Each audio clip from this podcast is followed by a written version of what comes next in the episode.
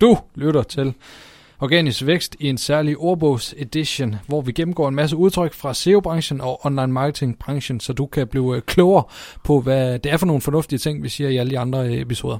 Mit navn er Jesper Nørskov Jensen.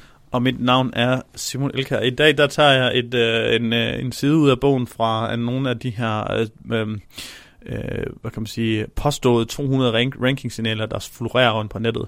En af dem er øh, magnitude of content updates. Altså det betyder, hvor meget har du opdateret dit indhold med.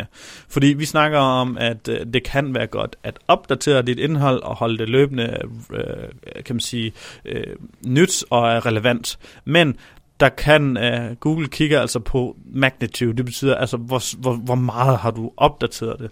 Går du ind og skriver et ord eller tre ord om i en tekst på 7000 ord, jamen så er det ikke særlig uh, opdateret. Så er det måske bare lige en rettelse eller nogle kommaer, der er sat.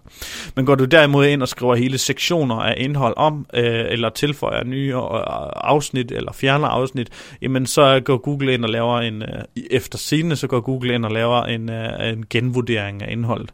Og det betyder, at hvis du finder dig selv et sted på nummer 7, 3 eller, mm, side, eller nummer 11, så kan det være, at du kan lave en uh, kan man sige, content update of magnitude for at få en, uh, en, en, en ny og, og frisk kick af Googles bot. Du lytter til Organisk Vækst i vores Obo Edition, hvor vi gennemgår en masse termer fra øh, SEO-branchen og online marketing-branchen, så øh, du kan blive klogere på, hvad vi egentlig snakker om i alle vores øh, andre episoder. Mit navn er Jesper Nørskov Jensen. Og mit navn er Simon Elker. I dag skal vi snakke om outbound bound links, altså udgående links fra dit indhold.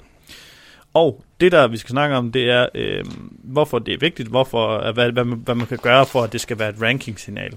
Og der er to ting, der især trækker op øh, efter sine. Det er jo ikke, det er ikke en... Øh, ja, det er ikke ligesom meget, meget af en SEO, der er det ikke facts, der er det, øh, kan man sige, øh, erfaringer.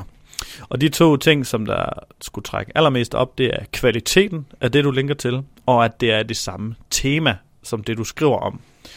Øh, vi er faktisk ude i, at sådan en update, som der hedder Medic-updaten, der kan du øh, gå ind og armere dig lidt af dit indhold, hvis du går ud og linker til nogle kilder, på, øh, hvis du har en påstand, eller noget, som øh, ja, øh, skriver om noget helbred, og, og, eller om noget med nogle penge eller investeringer. Mm. Så hvis du linker til en, en, en meget officiel kilde af høj kvalitet, jamen så får du faktisk meget positiv retur. Ja, man snakker faktisk lidt om, at man kan låne troværdighed af øh, autoritetsrige øh, sider. Så hvis du er en relativt ny side, og ikke selv har bygget den her troværdighed op, så kan du kompensere lidt for den ved at linke ud til nogle sider med, med høj troværdighed.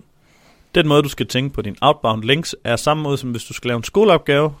Hvilke kilder vil du referere til øh, i din skoleopgave, og hvilke trækker op, og hvilke trækker ikke så meget op. Det er ikke altid, at Wikipedia nødvendigvis trækker meget op, selvom at det er en høj autoritær side i Googles tekniske øjne, så er det ikke sikkert, at de er meget autoritære om at skrive om et emne, fordi det er bare brugergenereret indhold.